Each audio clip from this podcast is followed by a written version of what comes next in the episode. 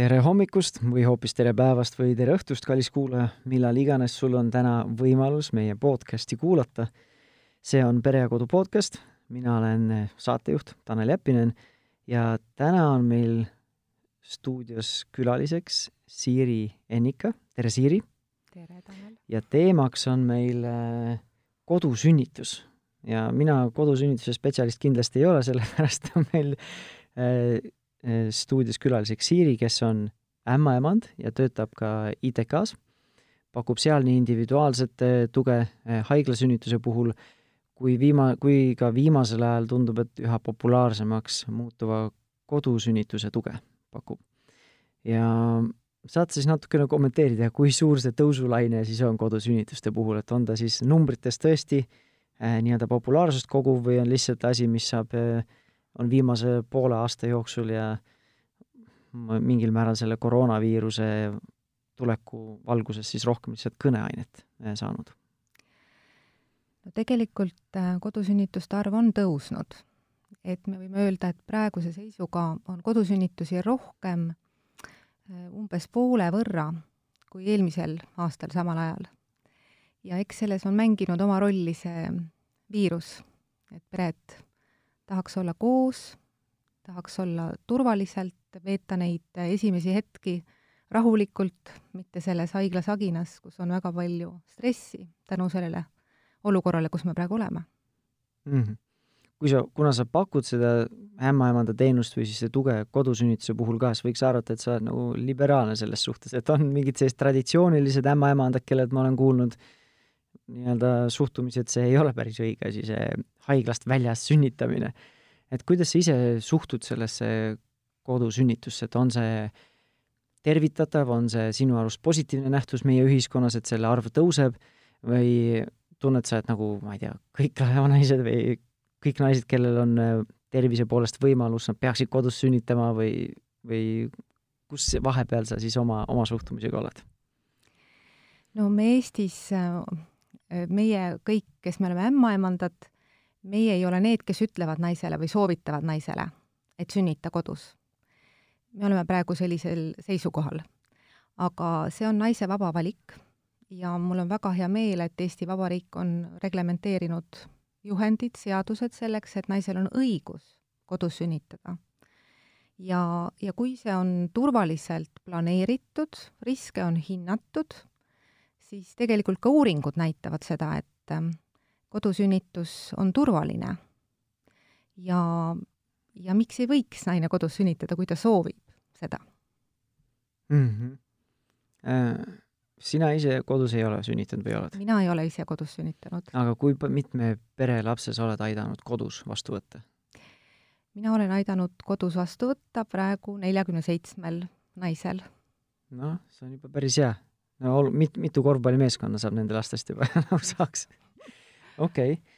uh,. mis siis sellised peamised põhjused on, see, mis sa kuuled emadelt ja see, mis sa ise näed, et mis selle nii-öelda nagu, ma ei tea, kas nagu kasutegurid, aga mis selle positiivsed küljed on, et miks, miks võiks üldse kaaluda uh, kodus sünnitada? no esiteks, äh, mis on turvalisem paik naise jaoks? Kus tema... ta ise tunneb ennast mugavalt just, siis nagu no.? just, see on, see on turvalisem paik, on tema kodu. ja, ja stressitase on ju väga madal.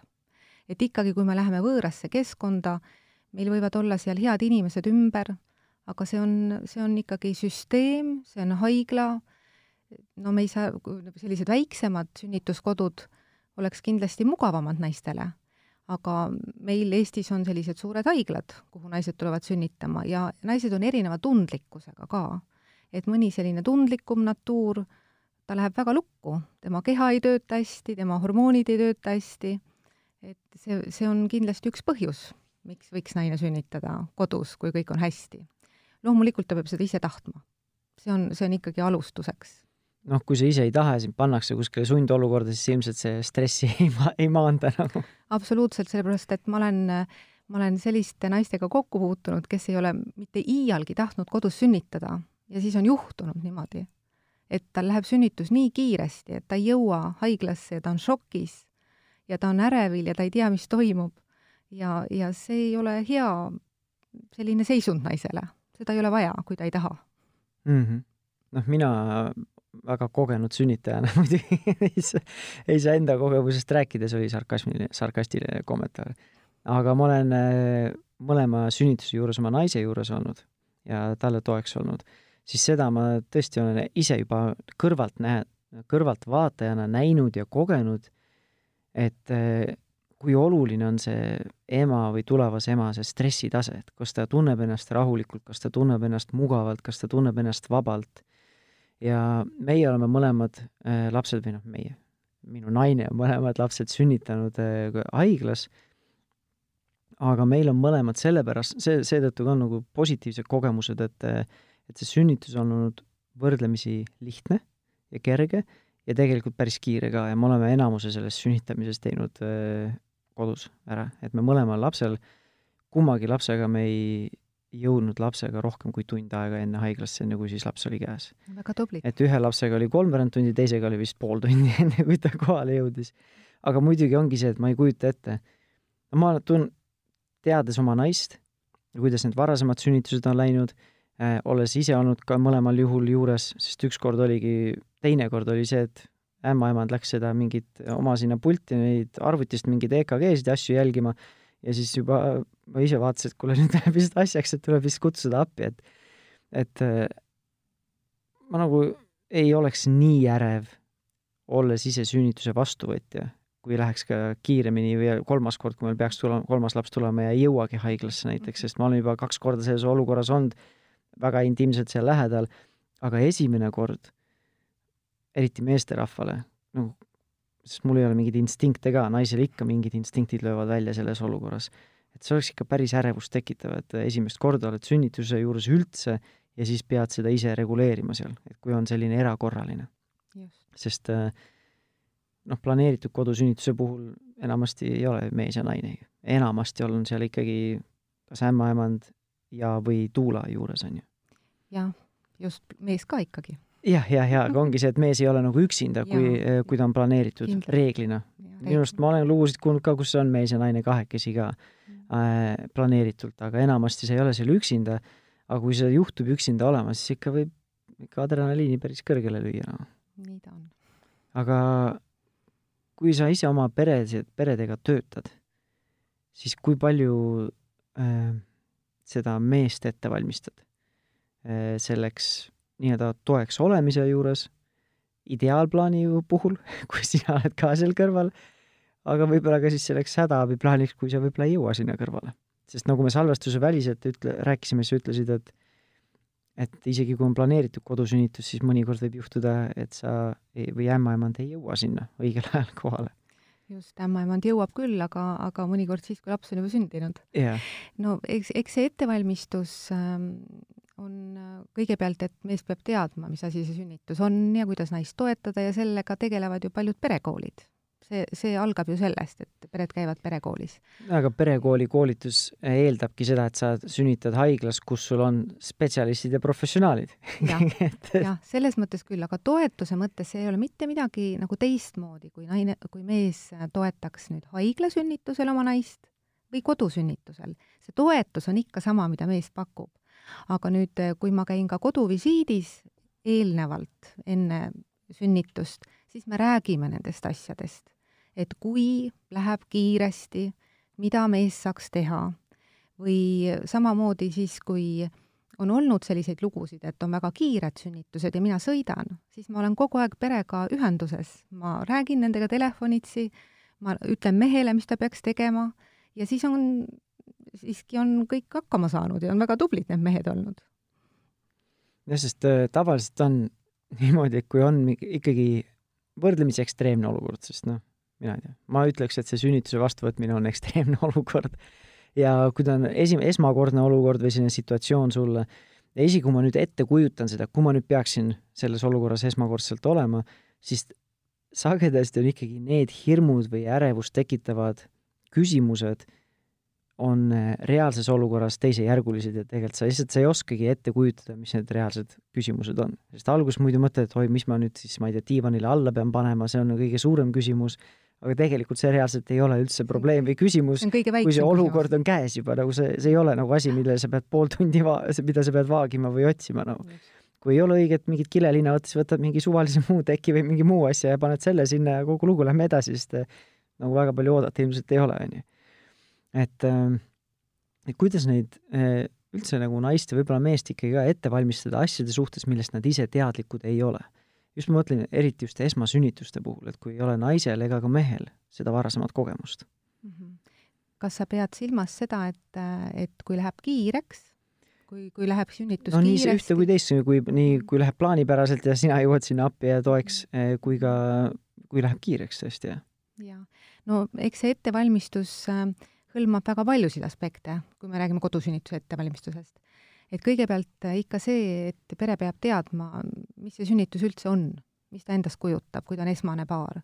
no siis ongi vaja käia perekoolis, on vaja lugeda, on vaja naisel kindlasti äh, tegeleda iseendaga, et luua oma toimetulekustrateegia, sest teadupärast sünnitus mingil määral vaeva naisele ikka tekitab ja teisest küljest, eh, kuidas mees saaks toetada, sest nemad on üks tiim. Nende perre tuleb uus pisikene ilmakodanik. ja, ja selli-, see protsess, ehm, need perekoolid, see, see on nii, nagu, nagu ikka tavaliselt.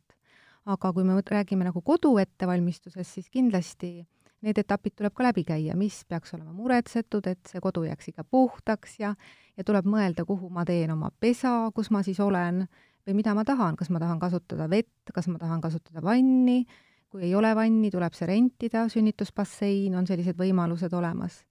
et, et kõigele tuleb mõelda selle, selle ettevalmistuse käigus. ja, ja, ja loomulikult siis ka see meeskond, kes on minu ümber, naine peab väga mõtlema selle peale, et kelle, kes on need inimesed, keda ta kutsub sinna, on peresid, kes ei taha taha, taha, taha tõesti mitte kedagi, nad tahavadki olla kahekesi ja see on nende õigus tegelikult aga, aga mina ämmaemandana ikkagi soovitan, et oleks selline inimene, kes on pädev aitama, et võiks olla ämmaemand ja kindlasti esmassünnitajad vajavad rohkem tuge ja, ja väga tervitatav on see, et on ka sünnitoetaja selles meeskonnas. aga see on jah, tegelikult pere isiklik otsus.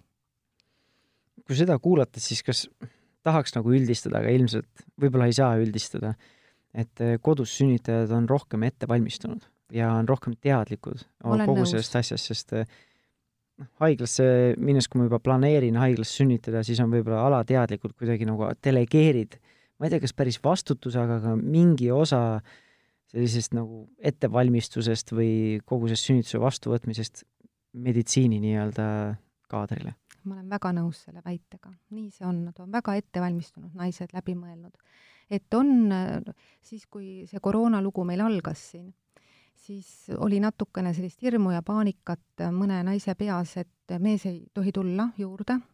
Ja, ja tehti rutakaid otsuseid, et ma tahan sünnitada kodus. Ja, ja tegelikult elu näitas, et nad lõpuks ei sünnitanud kodus, kui nad isegi läbisid kõik selle planeerimisprotsessi, aga ta ei olnud selleks valmis, sellepärast et see otsus tuli üle, üle teise emotsiooni hirm, et mees ei saa juures olla.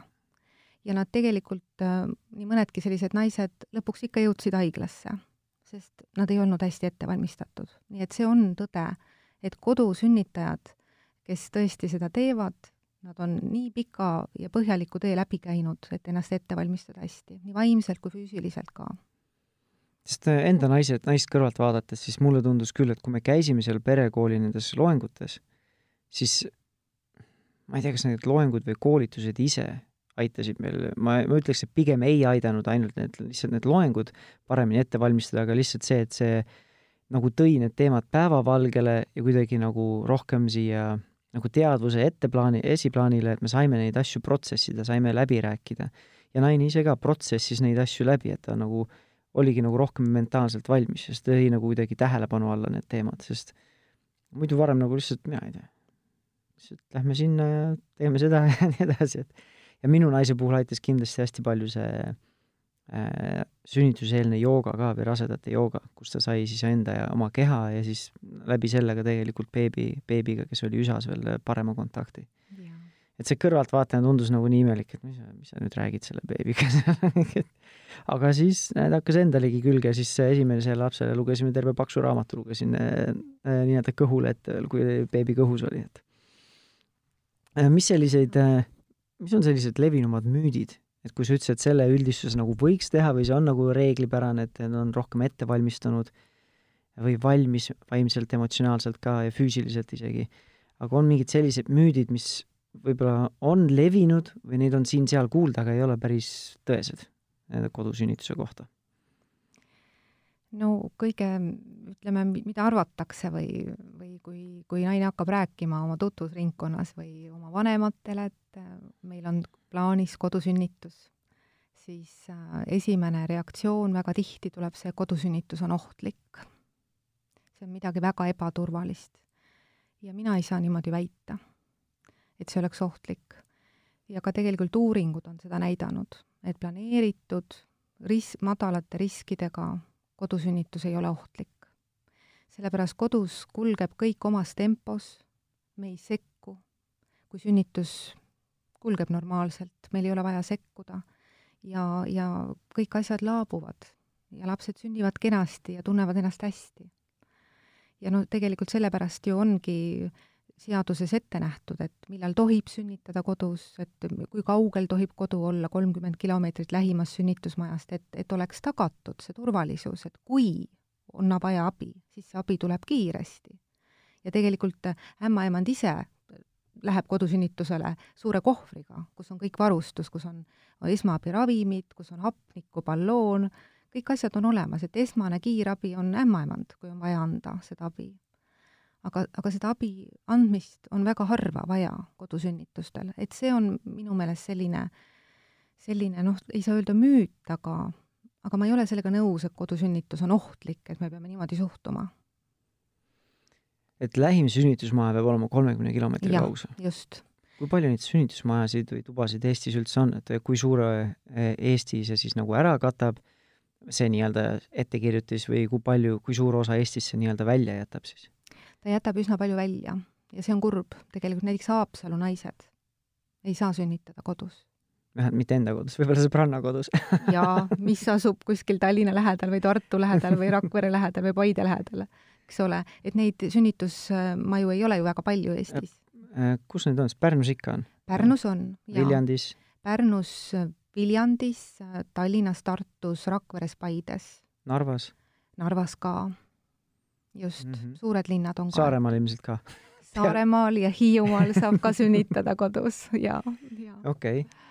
Äh, ja ka kuidas see otsus siis nagu teeb, kas seda last, lapse, lastearst või siis äh, ämmaemand, et kes siis äh, mingil määral ikkagi nagu sõna ütleb selle kohta, et kas see on siis turvaline rasedus või turvaliselt kulgenud rasedus ja väikse ja madala riskiga rasedus, et võib kodus sünnitada? jaa, no kõik algab ikkagi sellest, et et naine on rasedusega arvel, rasedust jälgitakse, ta käib andmas oma analüüse, teeb kõik uuringud, et rasedus peab jälgitud olema vastavalt juhenditele. no ilmselt, kui ei ole jälgitud, ei ole arvel, siis saad ka kodus sünnitada. No saab küll, aga see ei ole enam turvaline ja see ei ole planeeritud, eks ole, no seal on, seal on ikka väga kindlad nõuded, mida me jälgime, et me ei taha võtta tarbetuid riske, kindlasti mitte, et meil on, meil on olulised emade ja laste tervised just, ja, ja, ja rasedust jälgiv ämmaemand äh, on siis esmane, kes, kes hindab neid äh, riske, nii nagu anamneesist tulenevaid, vaatab, kuidas on kulgenud eelmised sünnitused, kui neid on olnud, milline on naise tervis, kuidas rasedus kulgeb, ja siis juba saame edasi minna nõnda, et, et kui on juba, juba raseduse lõpupoole, siis ka kodusünnituse ämmaemand hindab riske, hindab ka kodu, kus see sünnitus toimub, kas see on, kas seal on kõik hästi, on seal turvaline, kodusid on erinevaid mm. -hmm. ja kui, ma ei tea, kas sa oskad äh, jagada numbreid või statistikat, et äh, kui suur osakaal nendest kodusünnitustest on sellised, kus on vaja olnud kas kiirabi kutsuda või siis haiglasse ise sõita või minna? jah, ma ei oska seda öelda nüüd numbriliselt praegu, aga, aga minul need sünnitused, mida mainisin, minul ei ole olnud kordagi vaja pöörduda haiglasse ei ema ega lapse pärast, aga aga siiski mõnikord tuleb ette. no loodetavasti mitte ka isa pärast. mitte ka isa pärast, isad on väga tublid ja väga õnnelikud pärast, seda ma olen kogenud. ja kui see kodusünnitus on äh, toimunud, beebi on käes, kas saab siis koju jääda või peab haiglasse minema?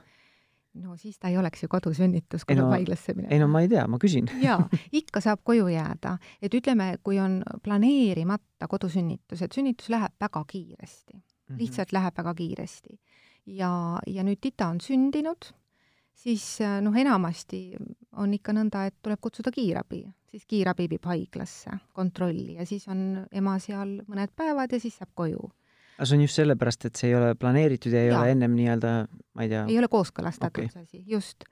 aga kui on planeeritud kodusünnitus, siis äh, pere jääb oma koju, ämmaemand läheb ära ja tuleb tagasi tavaliselt siis teisel-kolmandal päeval kodusünnitusjärgsesse visiiti, kus ta vaatab uuesti tita üle, kaalub ja teeb kõik vajalikud toimingud ja siis äh, juba umbes kolmas-neljas päev nad lähevad ka lastearsti juurde titat näitama et nõnda on niimoodi planeeritud, jah. see on enda perearst või eraldi ikkagi lastearst? see on ikkagi haigla neonatoloog, kes näeb esimesena vastsündinut. no sama nagu haiglas sünnituse puhul, siis just. ta vaatab vist teisel päeval või esimese päeva lõpus kunagi vaatab üle ja just, tehakse vajalikud uuringud, eh, siis ka noh, vastavad analüüsid seal võetakse, screening analüüsid ja, ja tehakse kuulmisuuring, tehakse vaktsiin, kui pere seda soovib, ja, ja siis juba edasi tegeleb perearst mm. -hmm.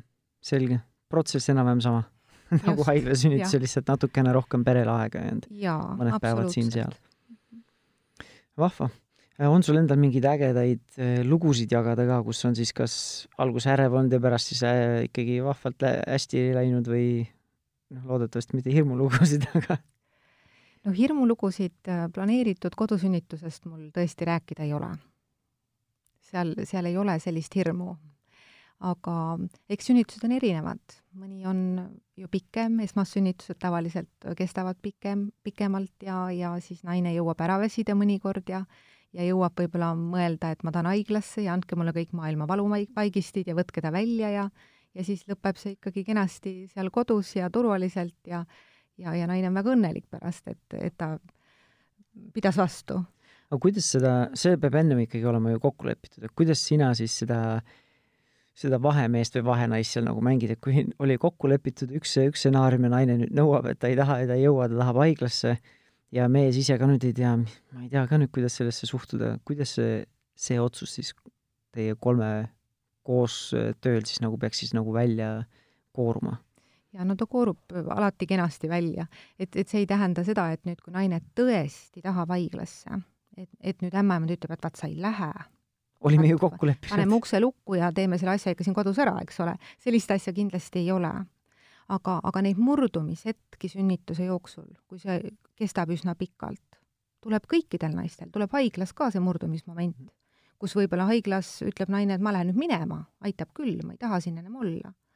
aga, aga kodusünnituse puhul loomulikult, kui naine, see on naise soov, kui naine tahab minna haiglasse, siis ämmaemand teeb nõnda, nagu naine tahab et samas selle emotsiooni ajal võib igasuguseid asju seal välja hõigata ju, et ja. kuidas sa siis nagu vahet teed, mis on see tõsine soov ja mis on see, et nagu lihtsalt ta oli korraks valus või ta lihtsalt ei taha seda valu või? jaa, no eks, eks elu on andnud kogemuse selles osas, et ma aru saaks, mis seal toimub. ja samas ka, kuidas sünnitus edeneb. kui sünnitus edeneb ju kenasti, siis ähm, naist on vaja julgustada, leida uued viisid, kuidas ta oma valuga toime tuleb.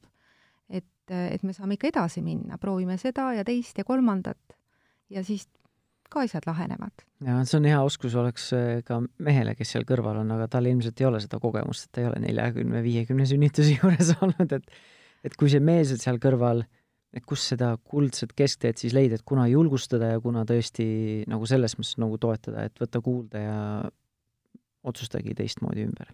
ja eks see on tiimitöö tegelikult, et, et me peame nagu arvestama kõikidega, aga, aga, aga no mehe roll on ikkagi äh, suuresti lihtsalt olla naise jaoks olemas, nii nagu naine seda vajab. sest et osad naised äh, ei luba ennast üldse näiteks puudutada. mees tahaks väga teha pai või teha massaaži, naine ütleb, et hoia eemale, ma tahan üksi, ma tahan ise. Ja on, on ju teistmoodi ka, kui mees peab kogu aeg kuskilt masseerima, midagi tegema näpud valusad juba just, ja naisel on seljas augud, eks ole, et nii, nii kõvasti on masseeritud, et see on väga-väga erinev, et eh, mees peab lihtsalt olemas olema ja tegema seda, mida naine parasjagu tahab. ja see julgustav sõna on, on esmatähtis mm. -hmm. On mingid olulised teemad veel, mis on täna jäänud siis kas tähelepanuta või mis sa ise tahaksid veel välja tuua, enne kui me otsi hakkame vaikselt kokku tõmbama? no mis ma oskan öelda et kui kodusünnitus on planeeritud, siis kindlasti see on turvaline, seda ma tahan rõhutada. ja kui sü-, kodusünnitus ei ole planeeritud, et see on tulnud niimoodi, et sünnitus on väga kiiresti läinud ja see on tulnud ootamatult, siis noh, nagu ikka, kutsutakse kiirabi, saab minna haiglasse, on, on kättesaadav igasugune abi, saab helistada, sulle öeldakse, mida tehakse, et äh, tuleb lihtsalt kainet mõistust säilitada, seda eriti meestel seal kõrval, kui nad abistavad naisi. ja ei ole miskit hullu äh, mis on see nagu lisandväärtus, mis äh, nagu haiglas sa ütlesid, sa ütlesid, et sina pakud samamoodi seda nagu individuaalset ämmaemanda toetust. Äh, meie esimese lapse puhul äh, läksime ka seda teed, et see oleks nagu kindel inimene, kellega me oleme plaani läbi rääkinud, keda meie teame, tema teab meid ja nii edasi. aga reaalsus oli see, et tema ei jõudnud meil õigeks ajaks haiglasse, sest meil asjad läksid nii kiiresti, et me jõudsime sinna haiglasse ise kolmveerand tundi enne, kui juba beebi oli käes. et ja teise lapse puhul, kuna meil oli too kogemus juba olemas, mõtlesime, et noh, vahet ei ole, lähme samamoodi nagu eelmine kord, et et ei olnud nagu midagi hullu, kui ei olnud seda teada inimest seal ees. et mis selle nagu lisandväärtus on või miks, miks nagu seda siis nagu otsitakse või äh, seda teenust äh, lisaks võetakse? jaa, no tegelikult ma saan kiita sind ja sinu naist, et teil oli hea tiim kahe peale, et te saite tõesti hakkama ja kõik naised ei vajagi individuaalset ämmaemandat tegelikult noh, me alguses arvasime, et ikkagi oleks vaja, sest noh, kindlustunde pärast, et noh. No see kindlustunne oli olemas lihtsalt peas ja tegelikult te saite hakkama, eks ole. Yeah.. jah, aga, aga tegelikult mida annab oma ämmaemand, et ega siis ämmaemanda roll ei alga sellest hetkest, kui ta tuleb haiglasse appi. ämmaemanda roll, mina näen seda rolli juba, juba selle rolli tähtsust palju varem, kui pere võtab ühendust, kui me räägime asjad läbi, kui me teeme koos sünnitusplaani kui, kui ma annan võimaluse naisele, et sa saad mulle alati helistada, kui sul on mure, et meil on hea kontakt juba enne ja kui sünnitus algab ja kui see on esmassünnitus, siis see tavaliselt kestab üsna kaua, neid selliseid kiireid esmassünnitajaid on ju vähe suhteliselt. ja me oleme kogu aeg ühenduses telefoni teel, enne kui me otsustame, et nüüd on õige aeg, et, et minna haiglasse. ja see annab perele turvatunde. et mõnikord äh, naised lähevad liiga ärevaks, lähevad äh, nii-öelda vastuvõttu seal, vaadatakse läbi, tehakse ülevaatus, öeldakse, et oi, liiga vähe avatust, mine koju. Nii, siis naine läheb, pere läheb koju, tuleb jälle tagasi, see on tarbetud käigud. et neid asju ei juhtuks, siis on hea, kui keegi annab nõu individuaalselt, kes teda juba tunneb. ja, ja loomulikult kui siis juba ollakse koos haiglas, siis äh, ämmaemand ei lähe tema juurest kuskile ära, vahetus ei lõpe. ta on lõpuni ja ta on veel kaks tundi ta aitab äh, esimese imetamise juures, annab nõu ja edasised nõuanded. et, et see kõik on nagu tervikpilt ja, ja tegelikult see on, iga naine vääriks sellist tähelepanu.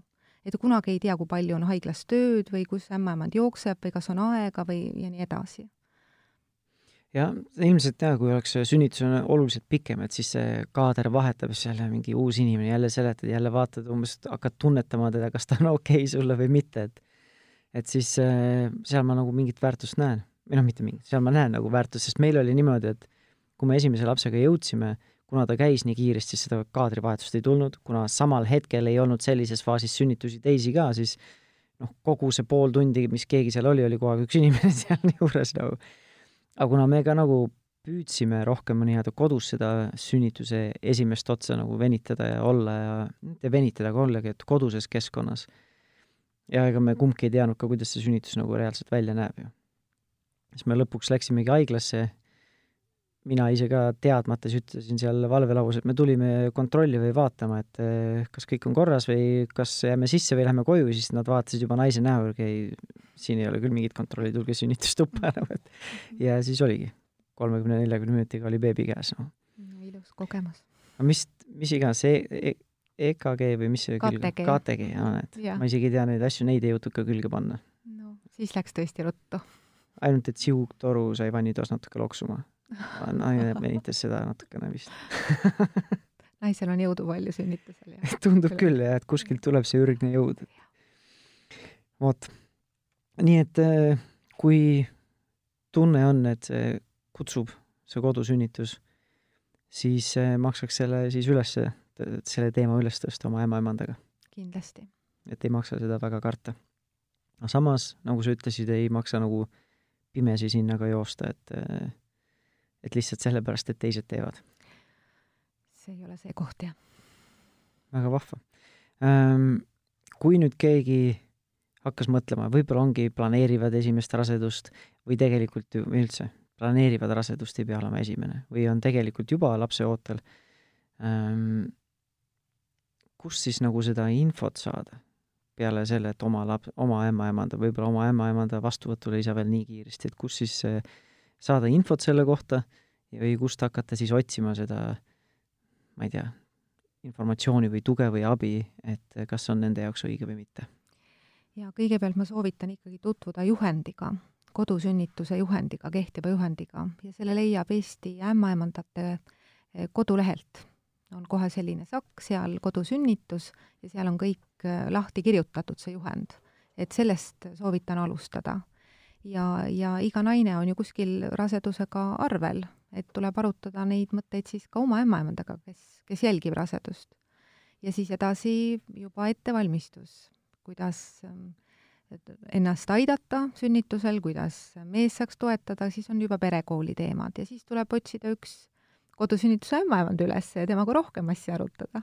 aga kust leida neid kodusünnituse ämmaemandaid, et kas lihtsalt enda ämmaemand soovitab või sest noh, mina isiklikult tunnen, et ma tahaks, et selle inimesega oleks mingi klapp, mitte see, et keegi ütleb, et näed, tema on väga professionaalne, aga siis ise vaatad nagu, et kuidagi on selline külm tunne, et ei ole sellist inimest, ei ole sellist tunnet, et ma nüüd tahaksin enda kõrvale sellisel olulisel hetkel. jaa, nõus.